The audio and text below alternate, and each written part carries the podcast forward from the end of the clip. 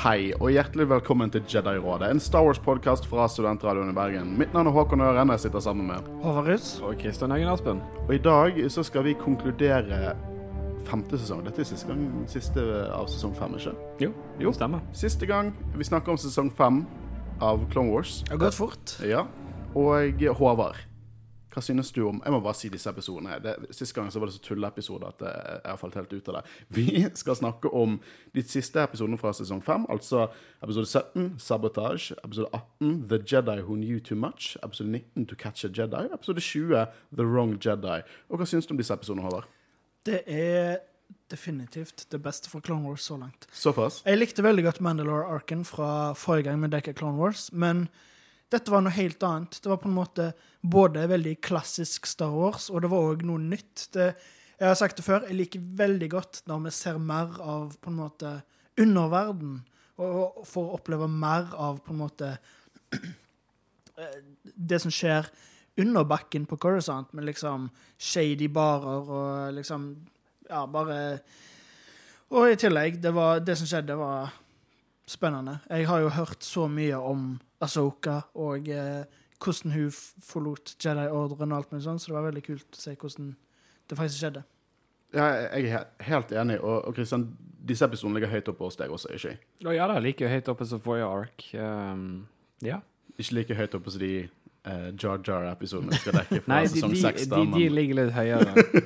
Bare for at de, de, er- de episodene redeemer Jar Jar for alt som skjedde i prequel. Mener du det? Ikke i det hele tatt. Eh, For jeg, jeg må innrømme Jeg skal innrømme Jeg har ikke sett de episodene.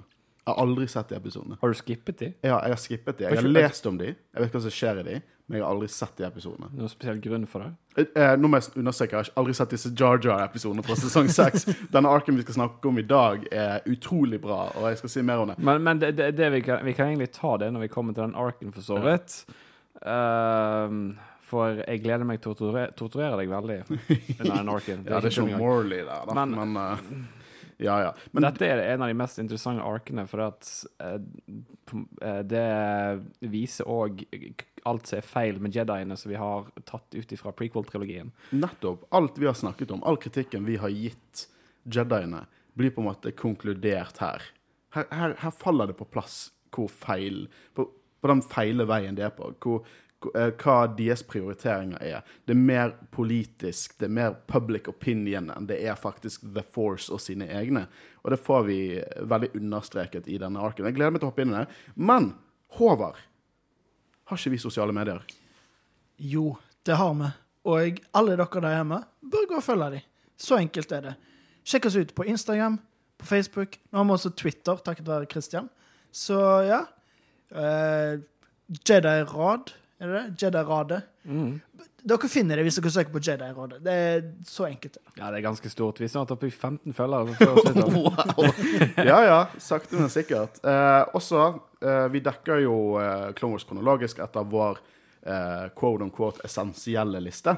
Eh, hvis dere har lyst til å finne ut hvilke episoder vi dekker i fremtiden, så finner dere det på tinyurl.com slash jedirad med to a-er. Men hvis jeg jeg ikke husker feil, så er den listen nå egentlig ganske ubrukelig, fordi nå dekker vi vel alle episodene som faktisk gjenstår. For det er jo ganske korte sesonger, eh, sesong seks og sju. Det kan godt hende at eh, vi fra nå av vi dekker faktisk resten av Clone Wars. Ja, det er fullt mulig. Ja. Jeg kan Tusen si det helt klart, og så stoler jeg ikke alltid på Håvard. Han, han, han, er, han, er, han er jokeren, han er wildcard i denne gjengen. Jeg er spent på om vi kommer til å få en klage på at vi ikke dekket de der Droids-episodene som var før denne arken. Noen spurte om det. For det er en karakter der som dukker opp i Rebels. Men når han, når Gregor dukker opp i Rebels, så skal jeg heller forklare hvem Gregor er. For det, jeg, jeg sitter ikke gjennom den arken på fire episoder. Jeg, jeg gjør ikke det. Jeg nekter. Det er, det er grusomt. Hvis du hadde sett de over, så hadde du forstått det, du Det òg. helt grusomt. Det er, å, det er helt jævlig. Uansett, eh, vi skal hoppe, hoppe over og hoppe over Jesus. Vi skal diskutere slutten av sesong 5, episode 17, Sabotage, episode 18, The Jedi Who Knew Too Much, episode 19, To Catch a Jedi, episode 20, The Wrong Jedi.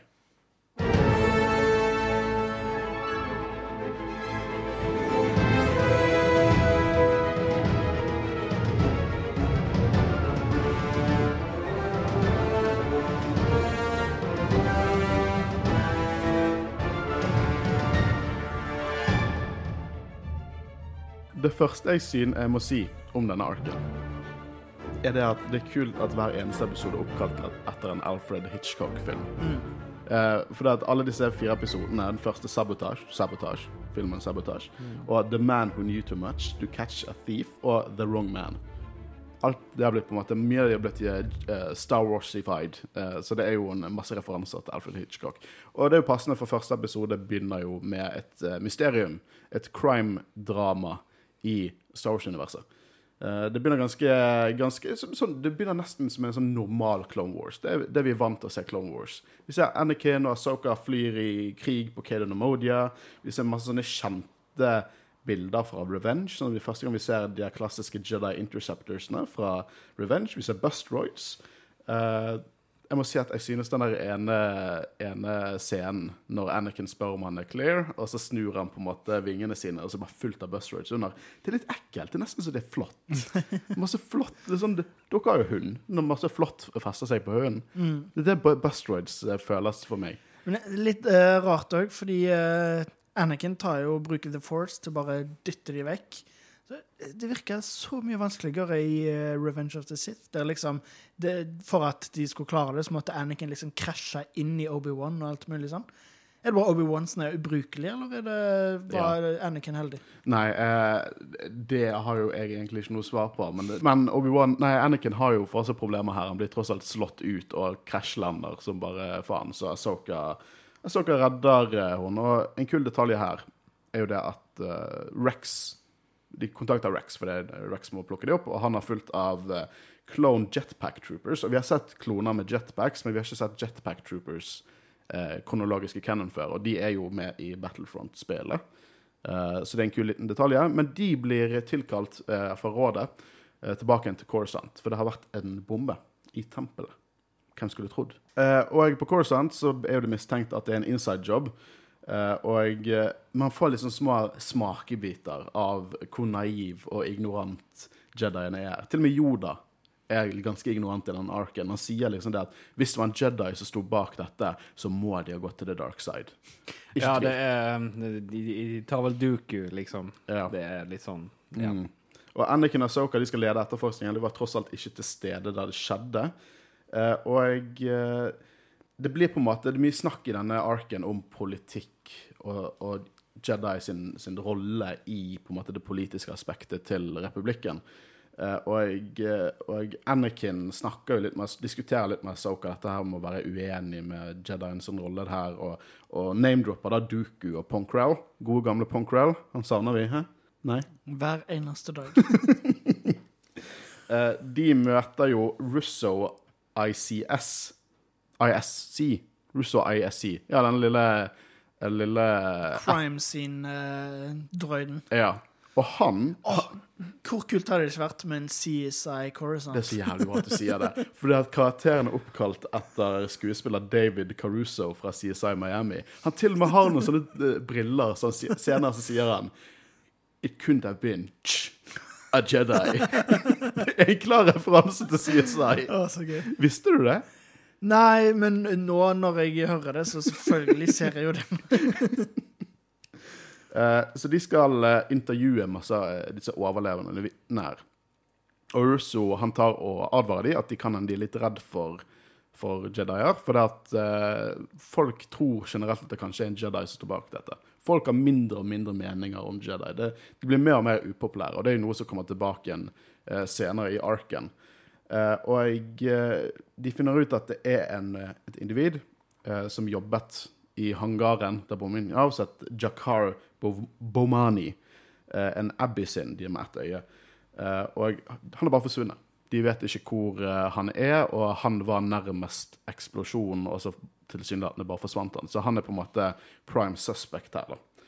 Uh, utenfor tempelet, som også er en utrolig Det er utrolig mange kule sekvenser her. Sånn, eh, vi får se Star Wars på en helt annen synspunkt, med andre perspektiv. Mer eh, grounded perspektiv. For du ser fullt av eh, folk utenfor tempelet som, som protesterer mot jediene. Det er veldig kult å se eh, på en måte eh, vanlige personer i Star Wars, fordi det er så fullt av Jedier og politikk og alt mulig sånn, men glemmer jo på en måte hvor stort universet er, og liksom at det er vanlige folk der Mm. som, eh, som blir undertrykt og alt mulig sånn. Det, det er veldig kult å se.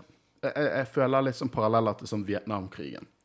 Og at folk driver og protesterer mot den, eh, og at, eh, at på en måte republikken står for like mye av krigen, som jeg mener de gjør, eh, som noen andre, så de skal stoppe krigen. Faktisk på noen av de plakatene, prote eh, protestene, protesterende, hva kalles det? Protestanter. protestanter holder, så står det blant annet 'Jedi are corrupt' og 'Stop cloning violence'.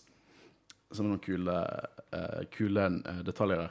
Vi må også se Sind Rowling. Har dere sett Sind Rowling før? Nei I 'Revenge of the Sith' uh, så ble han drept på et hologram av uh, Vader, eller Anakin.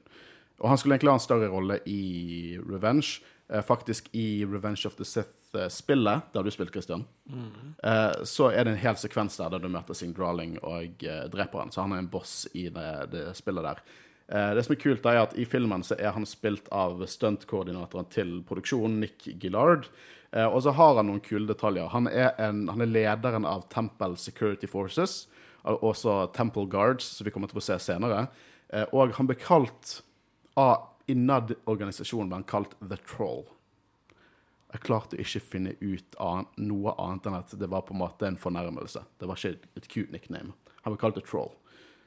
Og han er mester. Han er en av de beste med en lightsaber, og han har trent både Anakin og Obi-Wan Kenobi i, uh, i duellering og lightsaber combat. Uh, så det er kult å endelig se. Han, han er på en måte en litt mer uh, nisjeikonisk karakter.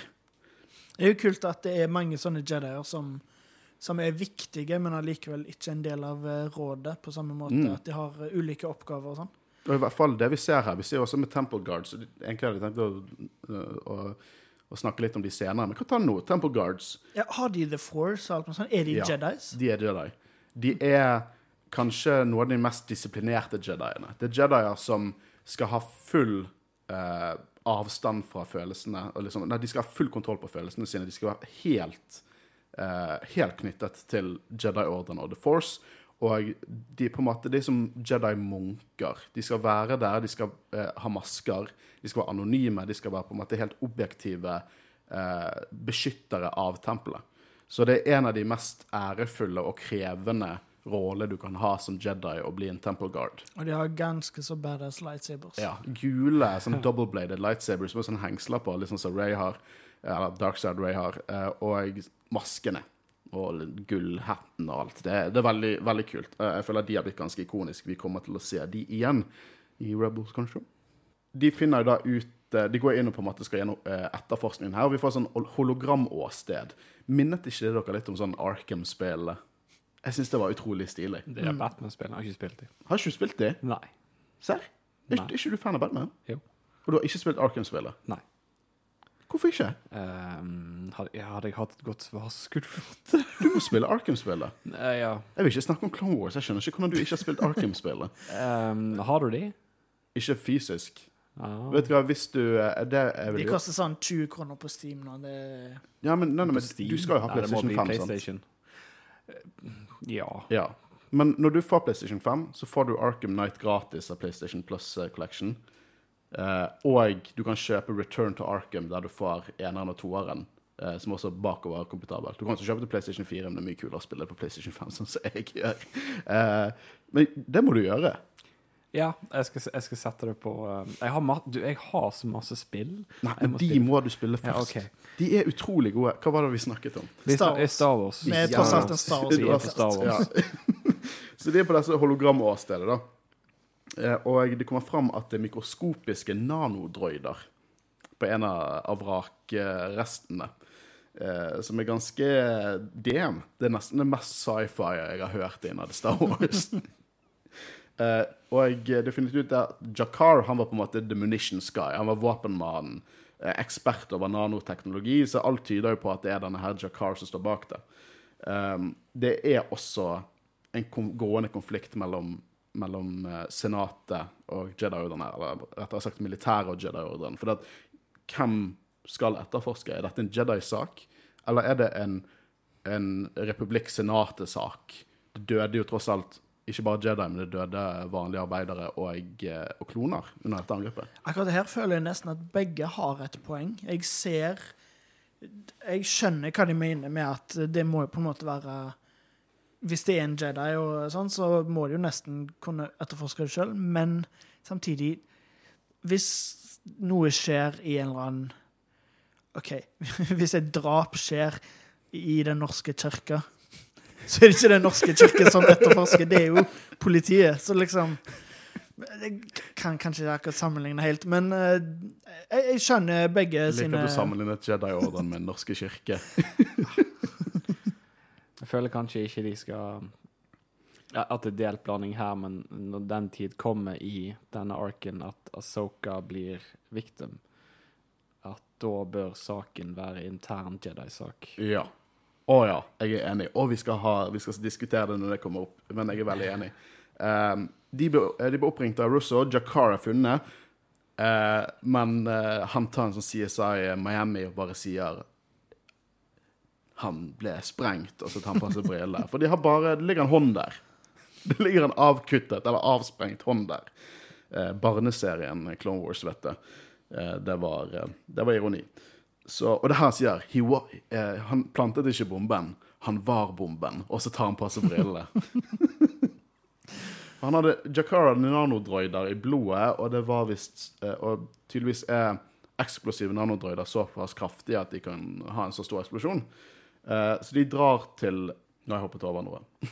Du hopper, ja, du hopper over eh, at de møtte kona hans. Ja, for det er ute med OK, men dette går fint. Litt, litt sånn, litt sånn uh, memento storytelling her. Uh, utenfor når de snakker med Cinderelling og prot, uh, protestene prot, Protestantene. Er det riktig ord? Ja. Er ikke det en religion? Protestantene. Men det var jo fint de protesterte. Ja, sant. Uansett. Ja. Da møter de konen til Jakar, uh, Letta, eh, og eh, og på en måte, det, det er her vi får litt mer innsikt i hvordan det er vanlige folk under Jedi. da. Uh, og hun, hun beskytter jo Jakar. Det kan ikke ha vært han som sto bak det. Han gikk gjennom alle testene, og hun mener det ikke var Jakar. Men akkurat her så føler jeg at dette er et veldig godt eksempel på hvorfor Jediene ikke burde gjøre sånne uh, etterforskninger og sånn. Fordi de står rett foran en stor folkemasse og liksom bare har et hologram. Se her! Han her tror vi gjorde det. Ikke noe liksom Ikke diskré i det hele tatt. De er jo, Jedier, Det siste Jedi er, er jo diskré. Jeg har snakket om det før. De er aldri diskré. uh, vet du hva, eh, Rent sånn objektivt, uten at jeg på en måte har, hvis jeg ikke har noe innsikt i hvem som har klart det bad guy, Palpatine, så vil jeg si at jeg føler republikken har mye mer å gjøre her. Liksom, Jediene er jo under republikken. Jeg føler, vet du hva, jeg føler ansvaret burde ligge på de. Det burde ikke vært en diskusjon på det i det hele tatt. Men det, eh, for det var vel uh, chancellor Valorum som intro, eller, introduserte, tok inn uh, Jediene i republikken, var ikke det? Nei, det er tidligere. Er det tidligere? Det er tidligere, ja. Sånn, sånn i fellesskap, ikke at de ikke har vært på uh, Course County i eh, Course County. Nei, det var tidligere enn. Valorum. Eh, De har vært involvert der. Men det er sånn, under High Republic-tiden så var det mer sånn Det var mer en symbiose der, mens under Ja, for jeg, jeg mener jeg har lest at det var Lorne som tok de inn i selve republikken. Nei, det, det er det, Nei. Okay. Det, det, for de har, vært, eh, de har vært en del av den nye Av på en måte republikken i lang tid. Også før. Også under The Old Republic så har de på en måte vært under republikken. Uh, liksom i, um, i, i Light of the Jedi Ja. så er jo det denne her eh, eh, The Beacon som på en måte skal være liksom outreach center i The Outer Rim. Og da er jo det, det, er- det er noe som er startet av, av, eh, av eh, Supreme Chancellor på den tiden, og det skal bli styrt av blant annet, eller skal være Jedier stasjonert der for å hjelpe til. Så de, nei, de Jedier har vært under liksom, organisatorisk republikken i en god Men har de alltid vært på en måte generaler og en Nei. del av eh, Nei, det Fordi startet det er vel Det er ganske mer prequel. De har jo vært med i konflikter, men de har ikke de, Altså, Og i grunn- Legends så var jo de For eksempel i Knights of the Old Republic så var jo det at Revan på en måte Han, han ville være på en måte med i konflikten, og Jedi-ordren sa nei. Uh, men de har jo slåss i konflikter før, men generaler på den måten som de i klonekrigene, nei. Det vil si nei, det har ikke det de vært de, Det ble de under Palpatine, vil jeg Ja, ja. påstå. Og det, det Av gjorde- design. Ja, for det, det gjorde han jo av design, som du sier, for å vise eh, hvor arrogant og Mm. sånn de er. De drar jo til De drar liksom til leiligheten til Letta Jakar, da. eh, For de finner ut at det er noe med alt dette. Eh, Det, det er nanodroider Det er vel nanodroider i blodet Eller ja, i blodet på Jakar. Så de drar til leiligheten deres for å finne ut av det. Like Og det er her Jedien er verst noensinne. De bare går inn uten noe som helst sånn eh, ransakelsesordre eller sånt. Ingen rettigheter. Jedi business, vet du. Og, og eh, de, de går inn der, og eh, Og de finner liksom De finner et hologram med kryss over kloner på, og det er nanodroider i maten, så alt tyder på at noen har gitt Jakar mat med nanodroider i. Og det ser jo egentlig dårlig ut for Letta, som møter opp, og hun skal bli tatt inn for spørsmål. Og så løper hun selvfølgelig, for det, er det de gjør. Eh, og As Asoka og Annie klarer jo lett å ta igjen, og eh, begge virker litt sånn Anakin og Asoka de har aldri vært mer eh, in sync på sitt liksom, sinne enn de er i denne episoden. Det er liksom, ja, det er apprenticen til Anakin Skywalker. Det, her ser jeg at mye av sinnet til Anakin har gått videre til Asoka. De er for nærme dette. Dette er liksom en organisasjon som skal på en måte være helt nirvana og chill gjennom hele tiden. Og her er begge dritforbanna. Russo eh, mener jo også det at, eh, at det ikke var noen Jedi involvert, basert på det han har funnet fram. Og Letta sier at de vet ikke hva de tuller med. Det er noe større bak alt dette her. Eh, Mace, eh, når de er tilbake til, til rådet, han mener motivene er enkle. Jedi er upopulær pga. krigen. Så ukarakteristisk ansvarlig av deg, Mace. Ja, han har helt rett for en gangs skyld. Selvfølgelig. Folk er, det, det, folk er kjempelite happy med Jedi, for de er nesten ikke Jedi annet enn i navn på dette tidspunktet. Eh, og Asoka Ahsoka har litt sånn eksistensiell krise. Hun vet liksom ikke hva hun hadde gjort hvis en Jedi sto bak det. Og det var første episode. Hopper rett inn i neste. Skal vi det? The Jedi Who Knew Too Much. Du begynner med en begravelse, og eh, Barris Offie Husker Barris Offie? Håvard. Uh, remind me? det, hun, var, hun var hun der litt sånn arrogante Padawan eh, som var med i de eh, Genosis-episodene, som Asoka, og, og hun var innesperret. Og de der, eh, de der zombie-Genosian Jeg er sikker på at det, uh, enten så var dette en episode jeg ikke var med på, eller så vi droppa det, fordi Vi har snakket om det. da Det er ikke den episoden der det var en klone som ble pappa, eller noe sånt? Nei. Okay. Det, de er Jeg bare, kanskje jeg bare har fortrengt det. Jeg husker ikke, men Genosian Queen. Sier meg ingenting. Jeg må se det på nytt. Herregud. uh, Eh, I hvert fall det, Så Barris Offie er lei seg. Uh, en uh, Jedi-venn av hun, Tutsumara som ikke er en karakter som har dukket opp før, men i hvert fall hun er en Jedi som har dødd blant andre Jedi, så det er liksom en offentlig begravelse, og Yoda holder en tale, og det er trist og episk. Og admiral Tarkin, han har blitt admiral. My man. Han går opp i ranken. Han er klar for den Grand Moff Tarkin snart, ass. Eh, han informerer at militæret har tatt over etterforskningen. Det er kloner døde, og Jediene går under republikken, så dette går til militæret. Eh, så Letta hun har blitt gitt til militæret, da. Eh, og Anakin er faktisk enig med Tarkin her. De er jo best buds. Eh, Shocking. og jeg elsker Tarkin i denne arken. Altså. Han, han, er, han er så slu. Han, han er en rev. Han dukker opp som en jævla advokat på slutten. Han er opposisjonen på slutten av arken. Jeg bare digger Tarkin. Åh, han er så kul. Uh, Asoka er jo ikke så glad i dette. Hun synes det er problematisk. Uh, og det er jo her uh, Prodo Vader sier husk at 'revenge is not a Jedi way'. Så Anakin er på mange måter ganske ansvarlig her. Uh, han tenker litt utenfor boksen, i hvert fall på dette tidspunktet. Uh, helt til dette involverer sin egen apprentice, og da går han helt amok. Men eh, akkurat nå så prøver han å holde seg så Jedi som nesten ingen andre Jedi er. Og det er jo respektabelt. Uh, Asoka og Barris de på en måte diskuterer litt dette da. Uh, og uh, de begge har liksom problemer med ordren, og det med å holde følelser og attachments på en måte in check. Uh, og eh, det er også et ut- utrolig interessant tema som vi har diskutert mye. Eh, disse her strenge reglene til Jedien, og hvordan man klarer å opprettholde det.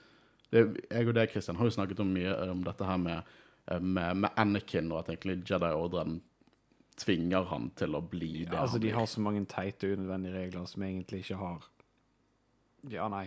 De er usunne, de er jo ikke menneskelige. Ja. Nei. Uh, og det går jo denne episoden litt mer inn på. Uh, det, det, dette her har ingenting. med det, det skjer i Arkham, det er ingenting. og Jeg syns det var veldig gøy. For det, de er inne på en måte det der war room, altså en separatistangrep, og så skal de eh, invadere Sal Salukumai, eh, som vi også ser i eh, Revenge of the Sith. Og for å invadere der, så må de innom eh, pla eh, planeten Anuat. Og Mace er så grinete. bare sånn ah, det er jo så lang vei. For han har jo lyst til å gå innom alle disse nøytrale systemene for å komme seg fortere til uh, Salukumai. Så bare Å, Mace, du suger. Du er så lite Jedi. Herregud. Jeg syns han sa det litt mer kontrollert og tydelig. Ja, men det er sånn that, That's his game, vet du. Fasade. Kjempegrinete. Det er her de blir informert om at Letta hun vil snakke. Hun vil kunne snakke med Asoka. Og eh, de kommer til den fengselsplassen, republikkbasen, klonebasen. Og var ikke det veldig eh, Hva skal jeg si Empire? Det var veldig Empire. Det er vel Var vel ikke Empire-logoen òg? Nei, det var, det var republikklogoen. Men det var det, det, Av design skulle det se ut som noe Imperial. Ja. Det så i hvert fall veldig eh, Det er sånn, skummelt ut. Kan Ja. jeg si. Det er sånn, det er sånn Palpatine begynner i det små. Han Mm. bygger først et Empire Lock Prison, og så begynner å oppgradere litt mer. Sånn, sånn, sånn, bare sånn skjult for Jediene. Sånn at de har en eh, Council Chambers, sitt eget personlige kontor. Yep. Uh, men her var vi se Commander Fox og liksom Republic Guard. Og de snakket vi litt om. Dere spurte jo om de på en måte var under Order 66 før. Uh, vi kom jo til den konklusjonen at de ikke var det, men de er helt klart mer lojale mot, eh, mot eh, Senatet og Palpatine. Og de er på en måte de første stormtrooperne. Det er sånn jeg ser på de. Du merker jo det, liksom, de snakker tilbake til Jedi, de følger ordre blindt, egentlig. Det er ikke noe Rex, disse folkene her. Og Commander Fox, han er jo blant fans en av de mest forhatte klonene. Og det får vi se videre hvorfor eh, i en senere ark. Eh, men eh, han, er, han er ganske forhatt, Commander Fox. Så inne hos Letta så forteller hun at det er en Jedi som står bak dette angrepet. Eh, og det er en Jedi som, ikke, som er enig med Letta om at Jediene ikke er det de skal være. De forårsaker denne krigen. De er korrupt. De skal liksom være krigere. Nei, de skal liksom være fredskjempere, men nå er de krigere. Eh, og hun mener at hun har blitt brukt av dette individet som setter det opp. Plutselig så blir hun helt klart force choked, løftet opp i været. Eh, Asoka holder hendene oppe for å hjelpe henne. Det er det jeg ikke helt skjønte. Hva er Asoka jeg, jeg, Hvorfor driver hun og vingler med hånden? Jeg, jeg, jeg, skjønte liksom ikke det helt. Ja, hun, hun, eh, hun håpte vel på at det var lyd på det Nei, for hollow-recordingen. det, ja, Men som det ikke var. det, det, altså det er som å lese How to look more guilty-bok eller noe sånt. ja. Nei, jeg skal hjelpe deg. Jeg holder hånden oppe, sånn kvelehånd. Kan du det? Hvis jeg choker Håvard, kan du på en måte bruke hånden din til å unshoke han? er det en force ability? Nei, jeg har ikke The Force, men jeg antar at det er mulig i The Universe.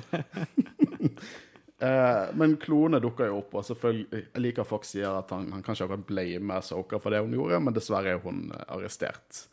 Eh, og, og det er bare awesome. Militæret blir mer og mer Empire her. Vi får litt sånn undertoner Imperial March, og Tarkin han går full sånn der uh, Tarkin og, og Princess Leia mot, uh, mot Asoka. Til og med sånn holder hun litt på skinnet og sier sånn her uh, Å, vi ser det klart på hollow-recordingen at du kveler henne. Uh, og jeg og mistenkelig nok er ikke det lyd på denne her. Well, well!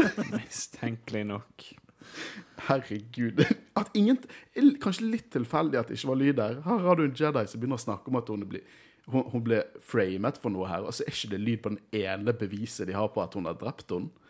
Uh, ja, ja. Men uh, han stiller de riktige spørsmålene. Hvis dette var en annen Jedi, hvorfor følte ikke du noe? Jeg føler det er noe som fans kunne spurt om. Hvorfor følte ikke Asoka det? Uh, hun sier jo også senere i Arken at, Arken at hun er veldig clouded. Hun, hun klarer på en måte ikke å, å kjenne The Force skikkelig. Og det tror jeg er veldig mye med hvor mye The Dark Side-energi det er rundt hele situasjonen og hele tempelet, for den saks skyld.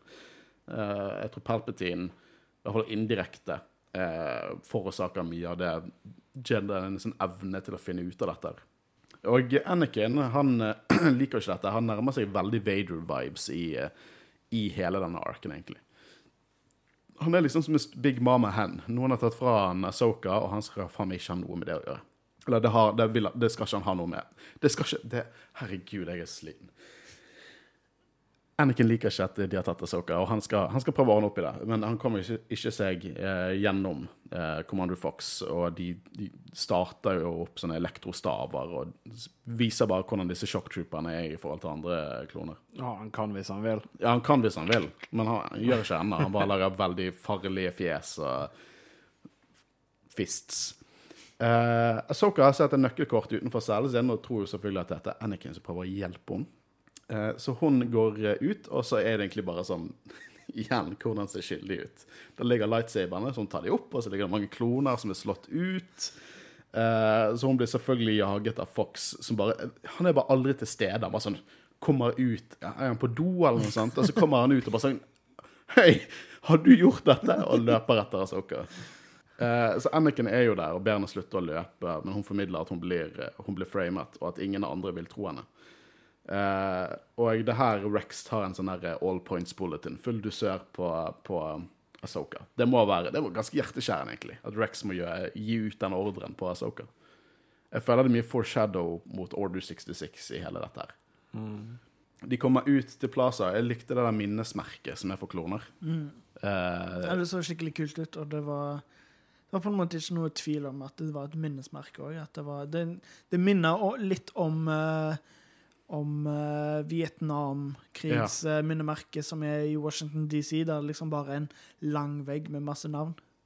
Uh, jeg syns at designet på alt dette er utrolig stilig. Med alle de røde flaggene og Republic-insigniaen og, og lyset som på en måte lyser opp på alle disse klonestatuene. Det viser jo egentlig at de har de har jo egentlig, de prøver jo Det er veldig umoralsk det de gjør, at de kloner soldater og barnesoldater hele pakken. Men de gir jo de mye heder og ære. I hvert fall på det tidspunktet. De blir jo kastet til side når Palpatine tar over. Men eh, på det tidspunktet så får de mye heder og ære. Apropos eh, kloner. Det er en sånn ARF Trooper her, som har en massiff, Jeg husker Massif, de var med i Mandalorian sesong 2. Disse dogoene. Eh, Massif som heter Grisser. Gjett hva dette her, Nå kommer vi tilbake til disse gode, gøye klonenavnene. Gjett hva han heter, den Trooperen med den hunden. Sikkert Doggy. Woof eller noe sånt. Han heter Hound. Hound. Uh, Han så skikkelig kul ut. Jeg likte veldig godt designet på eh, at han har sånn tøymaske over eh, hjelmen. Det har ikke vi sånn. sett før. Det, han er en ARF Trooper-hjelmen har vi sett før. Det er på en måte en precursor til Scout Trooper-hjelmen. Men han har ja sånne der to uh, forklær hengende ned som er malt på. Eh, Det er veldig stilig. Jeg, jeg liker alltid å se nye design på, på kloner, og de er veldig kreative her. Eh, Det blir jo videre eh, jakt, og nå sier Anakin 'set weapons to stun'. Kanskje sagt det litt tidligere. De har skutt, med, skutt mot henne med live ammo i hele, hele perioden her. De hopper i hvert fall ned i pipelines, og resten av filmen er The Fugitive. Med Harrison Ford og Tommy Lee Jones. jeg, jeg så med en gang liksom Jeg tenkte Kommer de virkelig til å gjøre det de gjør? Så gjorde de det. Det var så gøy når eh, Nesten rett som i filmen. Det var skikkelig gøy. Ja, for det var det de trodde tenkte. ja absolutt. Klar, for det, det er jo det de gjør. Dave Filoni og hele gjengen. De har jo en egen ark som er basically Godzilla. Den hoppet vi over. Det, og det er monsteret heter The Silla Beast. OK, da.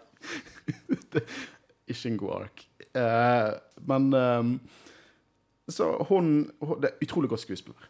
Eh, du kjenner på følelsene eh, i denne arken. Og, og her kaster jo Asoka seg ned eh, i dypere nivåene av Coruscant og ber Anakin om å, om å stole på, på henne. Men jeg må bare også si, ikke bare er det bra skuespill, men i denne arken her eh, Det er så bra cinematografi. Sånn som når, eh, litt tidligere, når hun liksom gjemmer seg, og så ser de bare 'There she is!' Og så ser du at hun er på en måte litt sånn gjemt, og så er det bare skygge. Og når hun hopper utover uh, ned der Det er, det er nydelig. Det er det. De har kommet langt med animasjonene sine. Mm. Hva syns du om det, Christian? Nei, ikke ta meg på sparket. Du har jo sett det, har ikke du? Jo, jeg har det. Har ikke du meninger? Flere ganger. Tror du Asoka har gjort det?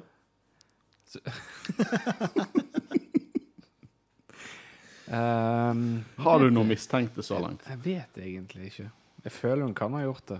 Du gjør, du gjør Men, det? men dypt nede så vet jeg egentlig at hun ikke har gjort det. i Fordi du har sett episoden? Jeg har sett episoden. episodene. det er nettopp det.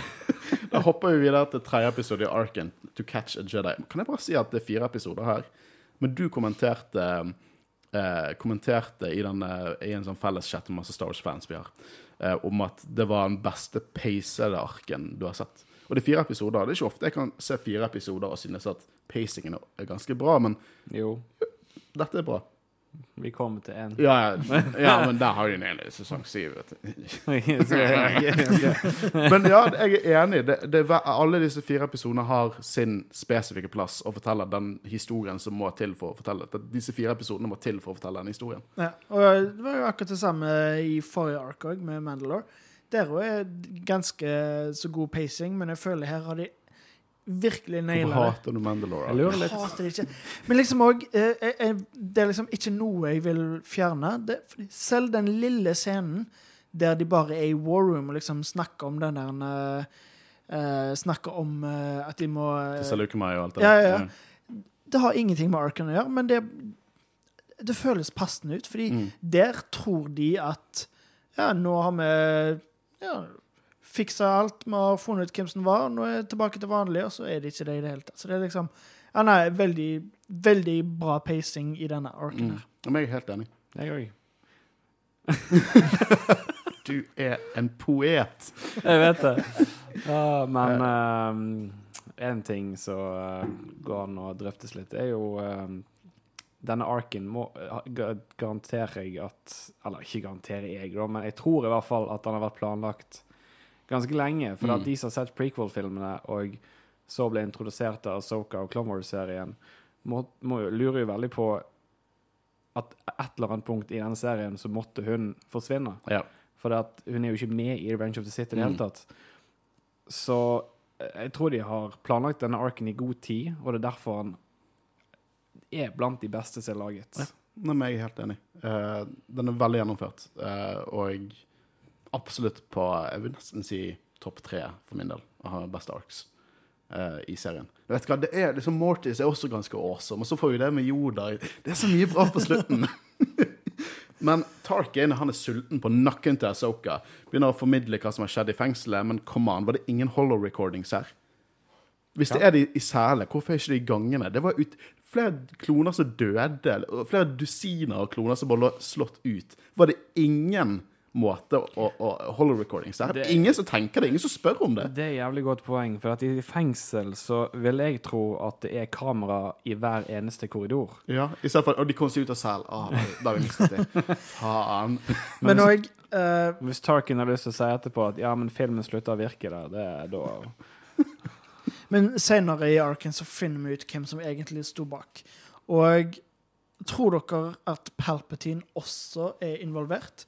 Nei, ikke direkte, nei. Det tror jeg ikke. Så dette er bare noe helt tilfeldig? Gru, gru, grunnen til at Palpatine tror, bare tenker Å ja, det var jo veldig passende at dette skjedde, da. Jeg hadde ikke planlagt jeg det. men- jeg, tror alt, det var, jeg tror at det er veldig passende at utfallet av alt dette skjedde som det skjedde for Palpatine. Jeg tror han pustet lettet ut. Fordi at, uten å, å, å spoile for mye Personen som har gjort dette her, hvis de hadde hørt på hun til en viss grad, så kunne de kanskje klart å finne ut hvem Palpatine er, og hva som skjer. Hun, hun så ting. Hun, hun, skjønte ting som mange Jedi ikke skjønner. Hun gjorde det på helt feil måte. Eh, men dette her er en sånn Åh, det var en freebie for Palpatine. For han kunne blitt funnet ut, er min mening, basert på det som skjer i denne episoden. Jeg tror ikke dette, dette Det var absolutt til hans benefit at dette ble løst. Det er min mening. Men jeg kan poengtere litt mer ut av det når vi kommer til det punktet. Sure. Da skal ikke jeg Det, det bare spar på, på Ja. visdommen din til det. Um, så rådet de tilsynelatende tror allerede at Asoka er ansvarlig. Som er skuffende. Utrolig skuffende. Uh, Skywalker han formidler at dette her ser ut som hun blir eh, framet, og han vil finne ut av det. Uh, og eh, Obi-Wan er jo også liksom tilsynelatende på Anakin sin side her. Ja, må ikke du glemme en til. Plo Koon? Ja, takk. Ja, med Plo Koon, ja, selvfølgelig. med Plo Koon. Han er den beste Jedien som finnes. Jeg elsker Plo Koon. Jeg kan, liksom, det er bare given at Plo Koon er bare awesome. Han er som, han er som, han er som, han er som en creepy looking julenisse. Han er bare perfekt. Altså, hvis Jedien hadde vært litt mer open-minded istedenfor bare å gå rett på Det er litt artig å tenke på det quotet hver gang fra Range of the Sith. Only a Sith deals in absolutes. Det er Men uh, pointet mitt var at um, hadde de vært litt open-minded, så hadde de kanskje visst om Palpatine i utgangspunktet. Mm. Men uh, jeg må bare poengtere det med For jeg liker The Sith Deals in Absolutes. Siden du tok det opp. Ja, kjør på. For det, eh, mange tenker veldig bokstavelig på det quotet. Liksom, en, liksom, å si 'only a set deals an absolute' er en absolutt. Men da hadde hun sagt liksom, Det andre som sier bare Sither snakker i absolutes, men deals in absolutes, er en sånn enten-eller-mentalitet. Ja, men de dealser jo når de Altså, det er jo en konklusjon når de på en måte går ut ifra at Asoka er Ja, det, det er absolutt det. Altså, når ja. du kommer til trialen, så sier jo Anakin sjøl at dere allerede uh, bestemt dere. Mm. Men og det, det, er for min del er direkte mot det quotet som kom det. det kommer i Revenge of Men er ikke det dritkult, da? At Jo. det er direkte imot det? Jo, men det er jo helt sløkket. Ja, for det- Jedi er sløkket. jeg må bare si jeg kalte Plo, uh, Plo Koon en, en julenisse. Jeg blandet ikke Plo Koon med Kia di Mundi. Jeg bare sånn, Plo Koon er sånn, jeg har, lyst til, jeg har bare lyst til å få en klem fra Plo Hvor Koon. hvor tid Plo Koon du- kan hvor klemme meg, og så kan han si at alt blir bra, og så vil jeg tro Plo Koon. Ho, ho, ho. Når kalte du Plå Klune julenisse? Det noe rett i sted. Å ja. I episode, Følg med, Kristian. episode 51 av Jedi-rådet. Har du hørt den? Jo, men jeg fikk ikke med meg julenisse. Ja, det var det jeg sa. uh, Mace Windu vil jo selvfølgelig ikke ha Obi nei, Anakin med på oppdraget, for han er forknyttet. Og her uh, synes jeg han tar feil, og det synes også Obi-Wan uh, og resten av rådet. Så de ignorerer dumme Mace. Jeg elsker når de bare dropper de teite liksom, Ja, men det er jo helt klart. Altså, hvem er mest kommer til å være mest suksessfull med å komme til gjennom til Soka? Ja, sant. Det er ikke sånn at Miss Windu hadde kommet gjennom til henne. Nei, Det hadde bare kutta av henne hodet hvert sjanse han hadde. Ja. Blodtørstig jævel, han er Mace. Også spilt av Han spilte Kratos i originaltrilogien av God of War. Som kan, hæ? Coincidence? Blodtørstig eh, God of War. Det er så mange what if der ute. What if Mace Windu never joined the council? Det hadde vært noe. Ja, han skulle ikke vært der. Han skulle ikke vært der. Vet du hva? Vi må Nei, ha altså, en, en karakterepisode om Mace Windu, sånn at jeg får ut uh, hatet Wow, det, det blir en heftig episode. Ah, gleder meg. Men uh, altså Gud, du må ha likt veldig godt den eh, ene kampscenen i Revenge of the Sith-spillet. Der du dreper Mace Windu. Du må kose deg skikkelig. Men no offense to Samuel Jackson. Han er en god skuespiller. Ja, han er det. Det er- ja, men jeg, det- jeg, jeg hater Jeg har sagt det før. Jeg hater Morley. Morley er en karakter som jeg ikke kjøper i canon. Miss Windu kjøper at jeg er kjøper jeg i canon. Jeg Ja. elsker å hate Miss Windu. På Ja. samme måte som at jeg elsket å hate Joffrey i Game of Thrones. Han er en karakter som jeg kjøper. Han er, han er en god, godt utviklet karakter. Han er bare en bad guy. Det er sånn jeg ser på det. Han er en bad guy. Ja, Morley er en Fucking slange, en orm. Fuck Morley. Uansett. ja, fearless. Vi kommer, hopper til dypeste nivåene til Coruscant. Veldig kult der vi ser på en måte byene nesten som slukes inn på hverandre. Og nesten litt sånn Inception-esk der nede. Det er litt kult. Det får du også se litt mer av i sesong syv. Så det er ganske stilig. Mm. Det, er- jeg, jeg må si den arken Martez-søstrene i sesong 7 er ikke en bra ark. Men det er, mye, det er mye interessant å ta opp der. Ja. Det er det. Men det er bra at vi er uenige. Da kan vi krangle litt uh, om den nå. ja. Um, men Asoka hun kontakter Barris, for Barris er en god venn av Asoka. Forklarer situasjonen og på en måte skal prøve å finne ut av dette. her, Og at liksom Barris skal sjekke litt rundt og se hva hun finner ut. Uh, jeg liker den scenen for hun blir jaget selvfølgelig inn på toget og kommer inn i heisen med en liten Twillick-barn, og så bare faller heisen ned for malfunction. Og så prøver Ahsoka liksom å jedie seg ut derifra, helt til ungen bare sånn trykker på en knapp, og så stopper heisen. Det er en fin, søt liten scene. Jeg likte den. finner vi noen gang ut av hvor mye Soka har bountyen på? Altså hvor mye Nei, det, det står Ikke, ikke, at, det, ikke at det sikkert. er fascinerende. Jeg, jeg bare hadde Jeg tror det må nok sikkert være høy. Ja. Det vil jeg tro. Hvis de Det- tror at hun er en Jedi, rogue Jedi-terrorist. Det må jo være en high bounty. Altså, Ja. Når du skal fange en Jedi, det er jo ikke akkurat barneskirenn. Jeg liker at du norsk sa tittelen på episoden. Du catch a Jedi.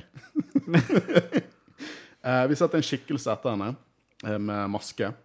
Tror du den er konstruert av Barris? Nei, det er jo Ventress. sin- Ja, ja, da Tror du Ventress på en måte er hintet av Barris til hvor Asoka befinner seg? Det vet jeg ikke. For at det, det, det føler jeg liksom at eh, For at uh, Ventress er jo skapt for Barris for å frame Mm. uh, Asoka enda mer. Så jeg lurte på om det er òg en setup, på en måte. Jeg, jeg vil tro at det var noe som falt inn i fanget hennes, men jeg hadde ikke utelukket at det var framet. For, for, for Episoden går ikke inn på om, så vidt jeg vet, at, at Ventress hadde fått et tips. Nei, de gjør ikke det. Jeg, bare, jeg liker spankulering, vet du. Om eh, Spektisering. Spektisering. Eh, Spekulering. Og det, det er en litt sånn gøy Vi må skrive det på en T-skjorte i merch-storen eller noe Ja, sånt. må Og en drivstoff. Men jeg, b- det, var, liksom bare det at det er en, en gøy tanke om at mm, Kan det stemme at det er en eh, ekstra felle som Barris har planlagt, eller om det er som du sier, at det er bare noe som kommer som en gavepakke i fanget hennes? Jeg personlig tror det var en freebie, men jeg vil ikke utelukke at det var en del av planen hennes. Ja. Det, det er egentlig det jeg har lyst til å konkludere med. Sorry, sjokoladen kicket akkurat inn. Ja. Eh, gunshipsene. Nå kommer vi på sånne gøye små detaljer. De gunshipsene er jo en LAAT LE Patrol gunship. Og dette første gang vi ser Står det for noe, eller er det bare Det gjør nok det, men jeg gidder ikke gå inn på det. Eh, poenget mitt her er at de er utrolig ikonisk Imperial. De er Republic eh, gunships her, men vi ser de blant annet i Jedi Fall Order. De jakter på deg i den togsekvensen i begynnelsen av spillet. Altså, det er igjen det jeg sa i sted. Palpatine bygger seg sakte opp mot Mm. et Empire. Ja, og det er mye sånn bilder i denne arken som er veldig ikonisk Empire. Ja. Og alle, jeg vet dere alle lyttere elsker når jeg sier dette, her, men jeg digger det. Mm. Uh, Asajj Ventress. Det er Asajah Ventress, Kult nytt design, kul maske. Hun er en uh, full-blown bounty hunter her, og hun fanger Asoka skal, skal på en måte få penger for dusøren. Uh, og Asoka tror selvfølgelig det er hun som står bak, men det Asoka ikke vet, er jo det at Asajah Ventress har gått gjennom veldig mye karakterutvikling siden siste Asoka så henne. Eh, så de på en måte får en litt sånn tvilsom allianse. da. De ser at de har noen fellestrekk, begge forlater sin respektive orden, eh, ordre, og eh, det blir en interessant Jeg liker sånne eh, usannsynlige kompanjonger. Eh, elsket det i Game of Thrones, eh, og jeg elsker det her også. Ja, altså det er samme som her, så det var i uh, arken der hun var med Obi-Wan Kenobi. Mm. Jeg liker Sasha Ventress. Jeg liker Ja. når karakterer bare Og det samme er Soka. Jeg liker bare at du kan gå tilbake til første gang Sash Ventress dukket opp, og så er det en, nesten en helt annen karakter, men det gir mening at den karakteren har bare vokst videre på den måten. Og det samme kan du Ja, si om Asoka. jeg føler hun har vokst ganske mye, for at, eh, sånn som jeg oppfatter henne nå, så er hun veldig opptatt av å kunne leve i litt mer fred og få friheten sin, Mm. enn å få en dusør.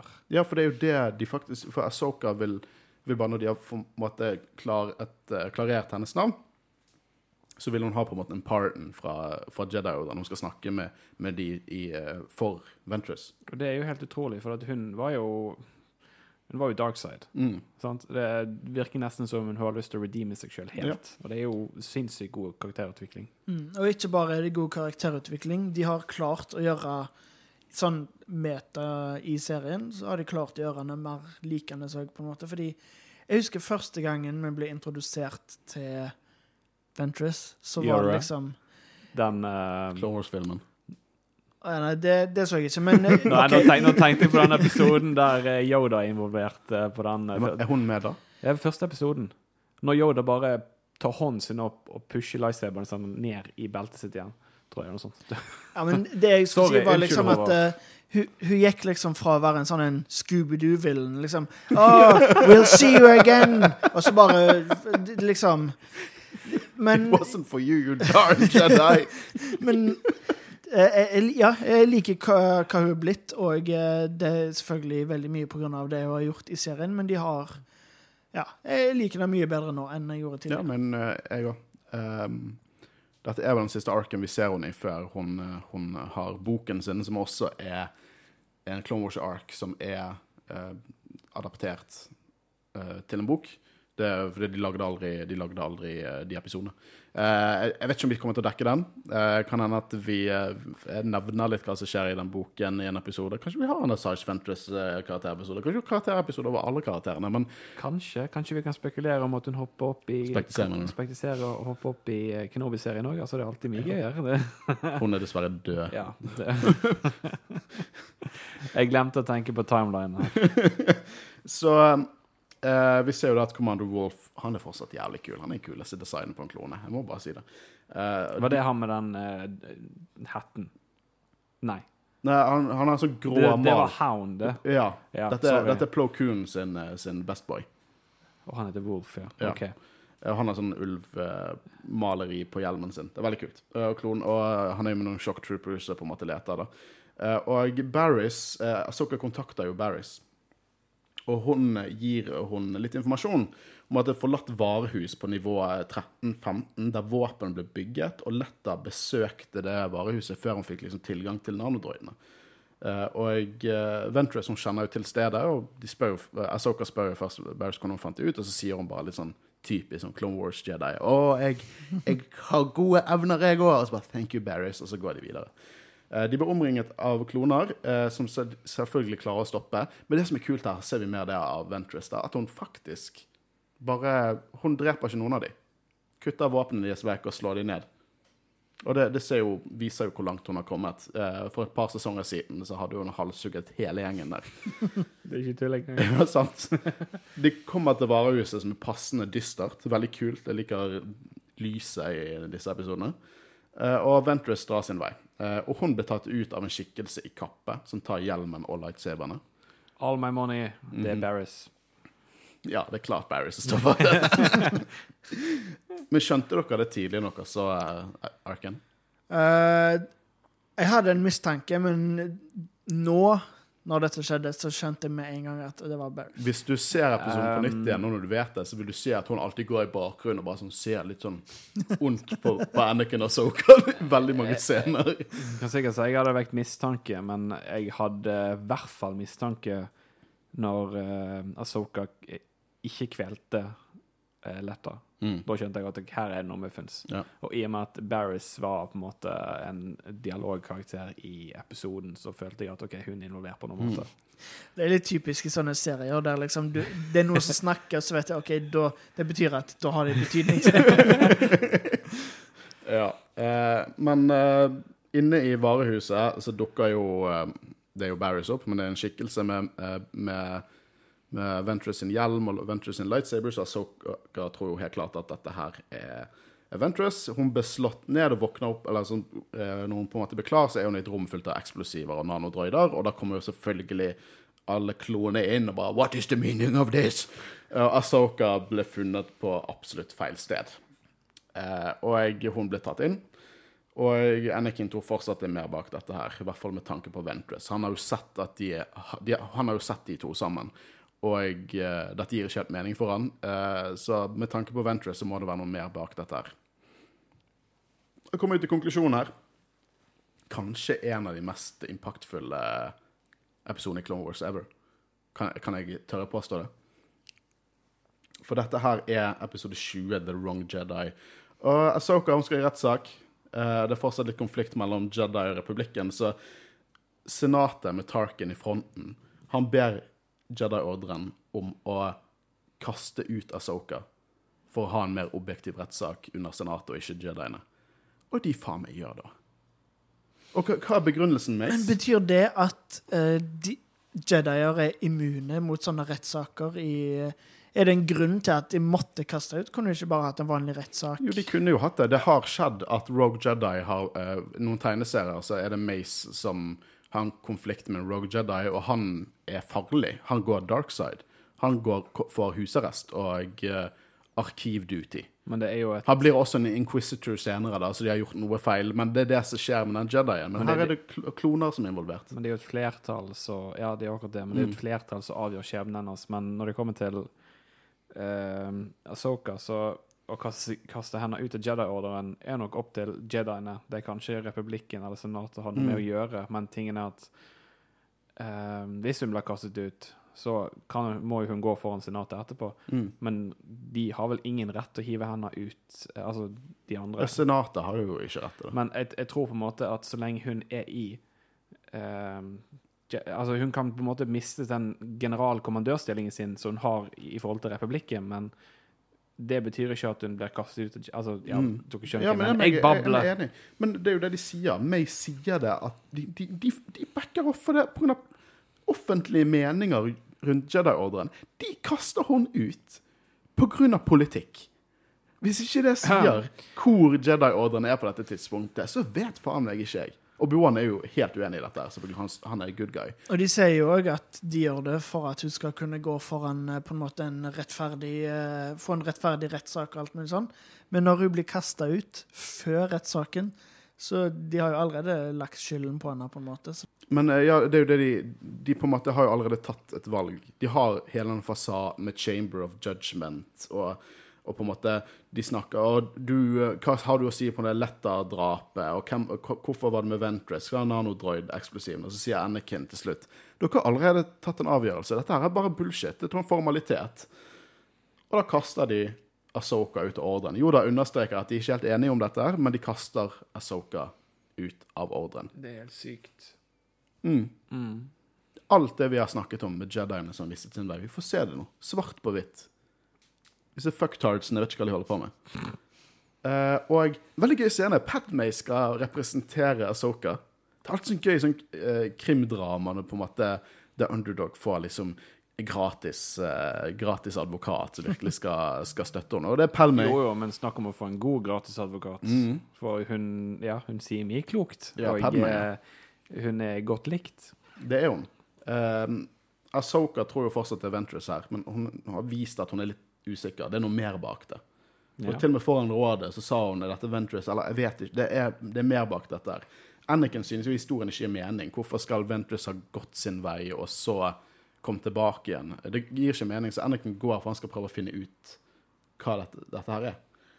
Eh, og jeg, jeg syns det er utrolig stilig, veldig mye pga. foreshadowing til Vader.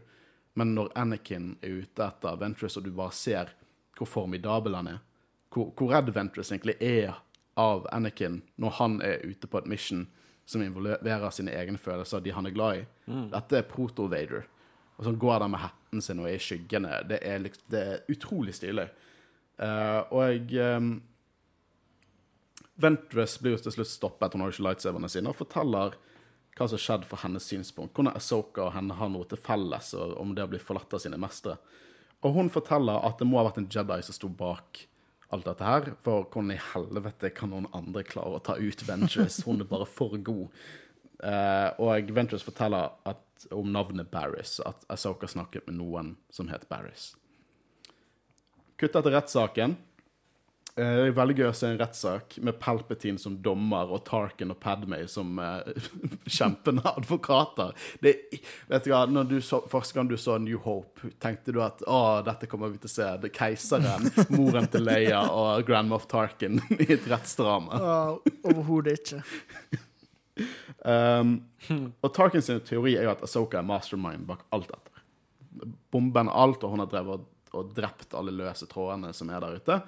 Eh, og eh, hun skal straffes med døden. Og jeg elsker Tarkin som advokat. Han tar liksom en slow clap på et tidspunkt. Men- Very good, but what about this? Ak akkurat det du sa der, eh, gir det mening? Nei. Nei!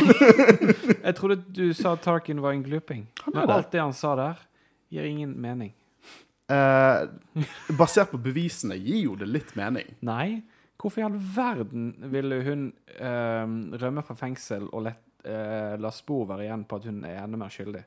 Ja, det er sant. Det gir egentlig ingen mening. Nei. det gir ingen mening. Men Tarkin er fortsatt det best, OK? Han er, han er, du bare misforstår han. Tim Curry som Palpatine. Hører dere det? Ja, sånn delvis, men ikke sånn voldsomt.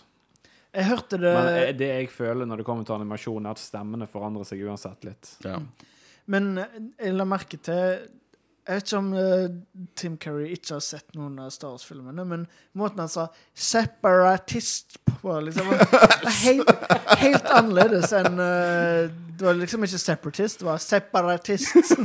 Hvorfor fikk de ikke bare Ian McDermott inn og fullførte? Uh, jeg, tror, jeg tror ikke han var interessert Eller jeg vet ikke, men jeg tror ikke han var interessert i å Han er jo en veldig sånn Broadway-skuespiller, men han, han kom jo inn i Han er, har stemmen sin i Rebels. Mm. Åh, det åh. It's good. Ja, jeg bare gleder meg så sykt til den uh, World Between Worlds. Uh. Oh, ja, jeg gleder meg. Ja. Oh. By the way, folkens, vi skal dekke alle episoder av Rebels. Det blir en undertaking, for å si det mildt. Um, Anakin uh, og eh, Barris For Anakin oppsøker jo Barris, og jeg liker måten han tar opp lightsaberen bare sånn diskré, egentlig tar våpenet vekk fra hånden og på en måte ser ut som han bare sjekker det ut og sånn, spør noen spørsmål. Og han merker jo fort at Barris lyger. Eh, og dette er så kult. Når de kjemper gjennom tempelet og tempel... Nå hopper du over noe, fordi eh, måten hun Måten hun på en måte avslørte seg på, var jo det at Anakin plutselig igniter lightsaberen, og så slo mot hun, og så da måtte jo hun bruke uh, Ventress sine ja, lightsabers. røde, ja. Mm. Eh, det var skikkelig kul reveal, selv om vi visste det, og Anakin visste det, men det var på en måte Måten han på en måte bare sakte, men sikkert spant denne lenger og lenger inn i, i uh, Det er sånn liten Tarantino liksom. Mm. uh, og jeg liker også han kommenterer at å, denne fargen uh, It suits me, eller noe sånt. Uh, og alle Temple Guards dukker opp. De, de er så kule. Og de dukker opp veldig sånn objektive. Bare sånn Dere skal stoppe eh, og, og kjempe, liksom. De tar ikke side, sånn det er helt klart. Det er noen som har røde lightsabers. Jeg liker også det at hun begynner å forklare seg sjøl at det eneste Jedi-ordren står for noe vold og krig. Og det Anakin svarer på eh, med det, er å liksom se sint ned i bakken og ignite lightsaber nummer to. For det slår tilbake på, på argumentet hennes. Uh, det er mye Vader i Anakin her. Mye Vader. Det er liksom en miks av Clone Wars-musikk, Duel of the Fates og Imperial March. Det er nydelig musikk i hele den arken. Liksom bed eh, Kevin Kiner, det tror jeg det er han heter, han lager utrolig god Star Wars-musikk, men her merker vi virkelig eh, noe mer. Og, og i sesong 7 oh, Musikken i siste ark der det er som Blade Runner 2049 mikset med Star Wars. Det er dritfett. Um, han tar selvfølgelig ut Barris.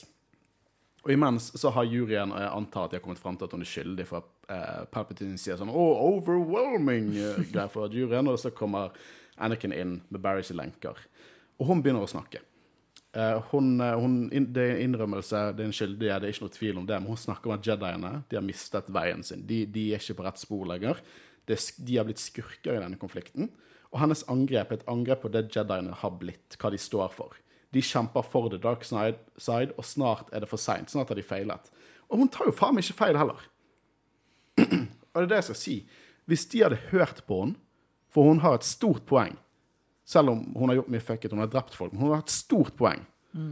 Det her er derfor jeg mener at, at de ikke hørte på henne, etter Palpatine sin beste interesse. For hvis de hadde hørt på henne og begynt å sjekke litt, begynt å føle litt, begynte å undersøke litt, så kan jo det hende at de hadde funnet Palpatine før Palpatine fikk gjort Order 66 og gjort det om til et empire. Det viser jo i hvert fall hvor utrolig naive Jediene er. Mm. At de ikke tror at, Og på en måte bare det at eh, Ja, hun er en terrorist, men det er det eneste de ser henne for. De klarer ikke å se noe annet poeng. Mm. Så det Jeg liker veldig godt denne scenen her. Og eh, som har nevnt, vi har jo snakka om det helt siden prequel-episodene våre, at uh, Jediene er ikke det de en gang var. Du de, må, du må ha et ganske annet syn på prequel-trilogien, i hvert fall Jedien sin rolle. Absolutt. Det var på, jeg har alltid tenkt at Jediene gjør ting feil, men nå på en helt annen måte. Så etter å ha sett uh, Clone Wars, uh, og egentlig, som jeg nevnte i eh, forrige episode av uh, Jedi-rådet, hva vi har fått ut av å være Star Wars-fan etter å ha vært med i Jedi-rådet, så jeg har et helt annet blikk på, eh, på prequel-filmene nå. Og eh, jeg synes det er synd at det er så dårlige filmer. Fordi det er så mye bra de prøver å få fram. Så hvis de bare hadde å, Bare se for dere. Tenk om George Lucas hadde sagt ideene sine, og så bare latt noen andre skrive og Ja. regissere. Jeg føler Jo, Clone Wars men viser hva der, det der kan ikke du klandre han. For at jeg vet, og har lest intervjuer med han, der han prøvde å få tak i folk til å regissere Phantom Menace og Attack of the Clones. Ja, det, Og Revenge of the Sith, for den saks det skyld. er noen paralleller til Men Hobbiten-trilogien. alle takket nei fordi de var redd for å røre det. For det er noen paralleller til Hobbiten-trilogien her. For jeg er ganske jeg, Han sang med Ron Howard, gjorde ikke han? Ron, Ron Howard ønsket uh, Nei, George Lucas ønsket Ron Howard til Attack of the Clones, husker jeg. Mm. Det er Herregud, det har vært på- en så mye bedre film hvis Ron Howard hadde regissert Jo, men på på en måte så Alle han spurte, ville ikke røre det. ja. For at det var en så uh, dypt elsket trilogi. Mm. Og da er det veldig lett å ja, bli Ja, det- hatet etterpå. Som vi alle vet at folk eh, flest gjorde med prequel-trilogien. Ja. Um, Men, men, men det er jo dette som er magien til Clone Wars. Liksom, vi har i hvert fall Clone Wars med retroaktiv nytelse av prequel-trilogien. Og prequel-trilogien, i hvert fall for min del, og det virker som det høres ut for din del også, blir betraktelig bedre med Clone Wars. Jeg antar du er på, på den siden også, Christian. ikke? Prequel-trilogien blir bedre med Clone Wars. Jeg, ja, Ja, absolutt. Men jeg, absolutt. jeg er ikke så dypt nede i eh, hatet så kanskje andre Ja, det er ikke noe solo av Star Wars Story. Nei. Um, jeg lurer på hvor mye Ron Howard endra. Men uh, anyway, jeg tror faktisk, hvis ikke jeg husker helt feil, arrester meg gjerne, faktasjekk meg gjerne, men jeg lurer faktisk på om Steven Spielberg ble tilbudt òg. Det hadde vært kult, det. Det gir jo mening. Han er jo i eh, nærmeste på en måte buddy-gruppen til Men samtidig er jeg nesten litt glad for at han ikke gjorde det òg, da. Fordi de er jo på en måte De er ganske forskjellige, selv om de er ganske like.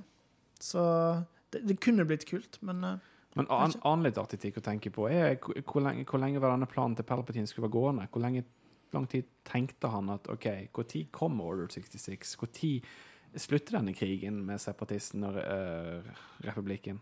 Men han har jo så mye tid han selv har lyst til å ha. det er jo han men- som styrer er alle, akkurat- begge sider av bordet. Men så kommer du tilbake til det punktet der eh, hvor lang tid uh, eh, i forhold til at jediene plutselig kan begynne å tenke seg fram til ting igjen. Du vet du hva, du er inne på noe utrolig interessant der. For man kan godt argumentere for at denne hendelsen her er noe som gjør at han får litt, eh, litt, eh, litt brann i ræven. Litt sennep i ræven. Ja. Han må forte seg litt. Eh, det, Altså, det kan jeg kjøpe. Det er det, Ja. Jeg regner med det brant i ræva hans òg når uh, Range of the Sit åpna og de skulle lande det svære spaceshipet. Ja, mer bokstavelig da, kanskje. Eh, men her er noen av de, av de mest patetiske scenene med rådet. For de skal si 'unnskyld'. og Mace Windu er bare sånn eh, eh, Faktisk så var dette din Jedi trial. Uh, og jeg uh, The Force works in mysterious ways. Han sier faktisk The Force works in mysterious ways.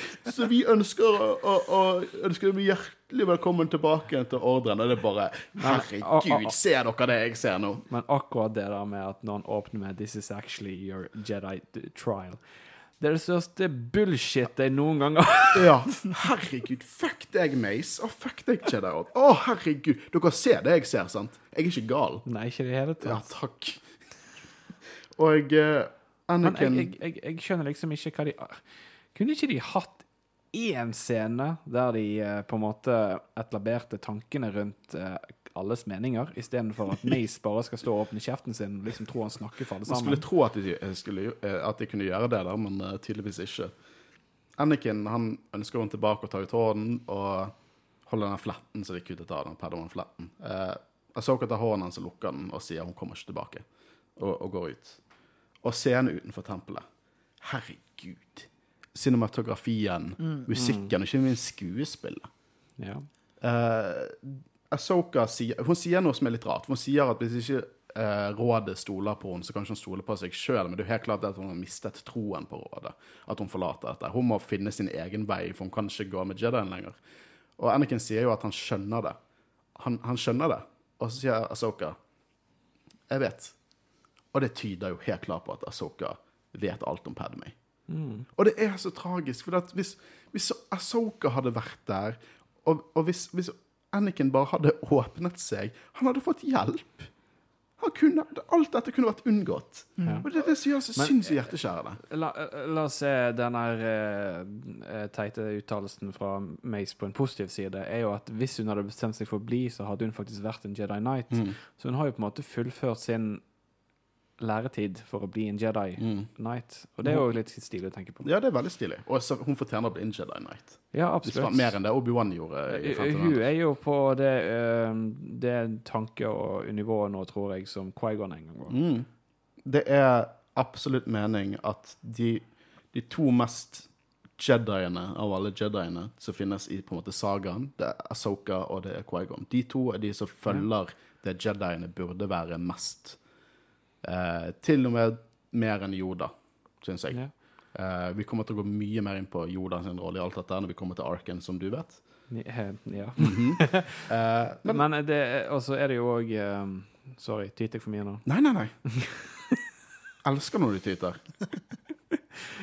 det at hun ikke er Padawan til Anakin, men hun var den perfekte Padawan som Anakin kunne fått, når Yoda valgte henne ut. Jeg tror at noen har tatt de gode sidene av Anakin videre. Ja, jeg tror Anakin er de, eh, de, helt fra starten så de var veldig like. Mm. Det var det jeg tror Når Yoda valgte Asoka, så tror jeg det var nøyaktig det han så, at hun er like impulsiv og uh, uh, måte gjør ting som På kan, sparket, liksom. på sparket, Ja, ja. og ikke følger ordre hele tiden. At hun vil være den perfekte læremesteren, eh, Padawan til Anakin, men på samme måte være den perfekte eleven som Anakin kan ha for Holde han i sjakk. holde han i sjakk. For at Mm. han ser da og lærer av det hun gjør, for det at det er sånn han er, på en måte. Mm. Og det er sånn han på en måte blir mer eh, en Kall det en voksen Jedi. Jeg, jeg bare tror at hvis, ikke, hvis Asoka hadde vært til stede med Anakin under Revenge, så tror jeg ikke han hadde falt til the dark side. Det tror jeg ikke. Jeg tror begge de to holdt hverandre i sjakk og, og gikk hver sin vei, da. Det er nesten sånn Anakin ble en perfekte Sith i definisjonen av Sith Lords, og Asoka ble en perfekte Jedi. Eh, Det er paralleller der, og eh, vi jeg liker paralleller. Jeg liker eh, symbolisme og alt det der. Og husk, Asoka går inn i solnedgangen her, og dette var egentlig siste gang vi så Asoka før Rebels kom ut. Det var mange, ganske mange år før vi så Asoka igjen. For at eh, Clone Wars ble kansellert. Det kom ut et par episoder av sesong seks på Netflix, eh, Netflix, Netflix eh, som ble kalt The Lost Missions etter Disney tok over. Og da fikk vi ikke se Asoka. Så neste gang vi fikk se Asoka på den tiden, var jo når Rebels kom ut. Ja, men Disney kansellerte, sant? Ja. Men eh, sesong seks kom vel ut før det ble kansellert? Eller Det var kom det... ut rett etterpå. Sånn, sånn dette er det, det vi har klart. Dette er det vi har de, Så det er derfor sesong seks er så kort? Ja. Fordi OK. Og Og så er noen noen av de episodene episodene Lost, videreutviklet eh, til sesong syv. Ja, og det du sa med Lost uh, Tapes-opplegg, det er i tillegg til de episodene Nei, Lost som Missions er De kalte sesong seks bare for Lost Missions. Og så Ah, har okay. du det eh, Kalte de faktisk Det var masse uferdige arcs. Var det det de kalte de faktisk The Bad Batch arc, eh? For det, Bad Batch er jo en egen ark, men de, jeg lurte på om de uferdige som de har vist på masse sånn Celebration, eh, var det Bad Batch, eller Unfinished eh, arcs eller et eller annet sånt. Men, så det, de, de viste, det, det var på en måte det vi fikk etter dette, da, helt til sesong syv kom ut i fjor. Um, men det var Asoka-arken, kan jeg kalle det. Asoka-arken. Og jeg eh, Faen, den er bra. Mm. Det er noe av det beste så langt. Uh, og det er De har klart å lage gode episoder. Det er lite action i det. Det er selvfølgelig Den actionen er der, er bra, men det er veldig mye dialog. De har, det, det er rett og slett bra skrevet. Det er det. Uh, det er absolutt. Uh, og eh, det, det sier mye, mye om showet at en ark som har såpass lite action, er en av de som mange ser på. For det er mange, det er mange som er enige med oss om at dette her er en av de beste arkene. Det er en veldig lite action. Veldig mye dialog, veldig mye karakterutvikling og karakterdrama. Eh, jeg synes at, som du sier, det føles veldig Star Wars ut. Bare på, på med nytt perspektiv. Eh, og jeg, jeg elsker all kritikken han har om Jediene. Jeg elsker eh, spørsmålet til han opp om, om politikk. Og Tarkin sier jo på et tidspunkt at når militæret tar over Tross alt, dere er skal være fredskjempere, ikke krigere. Og han har helt rett. Tarkin har helt rett i, i det han sier. At dette her burde Jeg, jeg synes jeg det, dette burde være en militærsak. Eh, Jediene er en del av militæret, og de burde, hvis de først skal bite av den delen av pizzaen, så må de forholde seg til, eh, til hele paien, for å si det sånn. eh, jeg, bare, jeg bare elsker de, de på en måte Når man ser prequel-trilogiene, altså Star Wars, sant? Og mange liker på en måte eventyraspektet, magiske Space Wizards og Force, alt dette her, men du på en måte stikker litt hull på liksom den fantasien og på en måte trekker inn litt realistiske scenarioer. Det er da Star Wars virkelig skinner for min del. Eh, og det får vi ut av denne arken. Jeg, jeg bare synes den er utrolig bra. Kristian? Nei, jeg er absolutt helt enig med alt dere har sagt. Og det er et veldig enkelt og klassisk svar her. Vet du hva, Det er nesten sånn jeg skulle ønske at eh, Phantom Menace og Attack of the Clones ikke eksisterte. Jeg føler Revenge of the Sith den uh, passer ganske bra inn. Men tenk om dette hadde vært episode to av prequel-trilogien, og så hadde vi liksom episode én hadde vært mye tidligere med Asoka og Anakin, at det var på en måte de som var fokuset. Mm. Kunne fått akkurat det samme ut av eh, prequel-trilogien. Og med- karakteren Anakin. Ja, Mm. så det eh, Ja, jeg syns nesten det er veldig sånn uh, Mister potensialet at de har uh, Du, du har et virkelig stor hat for uh, Phantom Menace og Attack of Ja, the han var litt altså. sint for episode. De er ikke gode. Nei, men uh, Han sa til meg det kan være så mye lord det vil, jeg bryr meg ikke. Det er en drittfilm. Ja, nei. Uh, her kan jeg si på et annet punkt en større mening. Jeg er ikke enig. nei da. Uh, jeg ser hvor du vil hen. Uh, men uh, Jeg er glad alt eksisterer det. Altså. Ja, jeg- Eh, Selvfølgelig. Jeg er glad alt eksisterer. jeg er ikke så negativ som Håvard. Jeg er glad alt, eh, alt eksisterer. Selv Jeg bare Jeg- jeg syns det hadde vært kult å sette Asoka i live action før Mandalorian. Men du har jo sett henne i live action. Ja, men mye før. Jeg, Men den arken har, som dere sier, eh, god pacing. Det er ingenting å trekke tilbake. Det er god storytelling. Det er ikke mye action. Action fikk vi i forrige ark, så Mm. har ikke behov for så mye. Uh, nei, jeg Forfriskende. det. Jeg digger det. Det er forfriskende. Absolutt. Og bedre blir det. Altså, eh, bare vent dere til vi skal dekke Jar Jar-arken som kommer snart. Ja. Jeg gleder meg litt av helt feil grunner til å dekke den arken. Ja, men så mye som vi hyper den opp nå. Folk kommer til å bare høre på den arken. Det er helt grusomt. Ja. Uansett, vi har diskutert eh, et av de eh, atter en gang et høydepunkt for Clone Wars. Mitt navn har vært Håkon Øren, og jeg har sittet sammen med dere. Hva har deres navn vært? mitt navn har vært Håvard Rus. Jeg tror mitt navn har vært Kristian Høgen Aspen. Og vi har vært Jedi Råd, en Star Wars-podkast. Vi snakkes. Ha det bra. Ha det bra.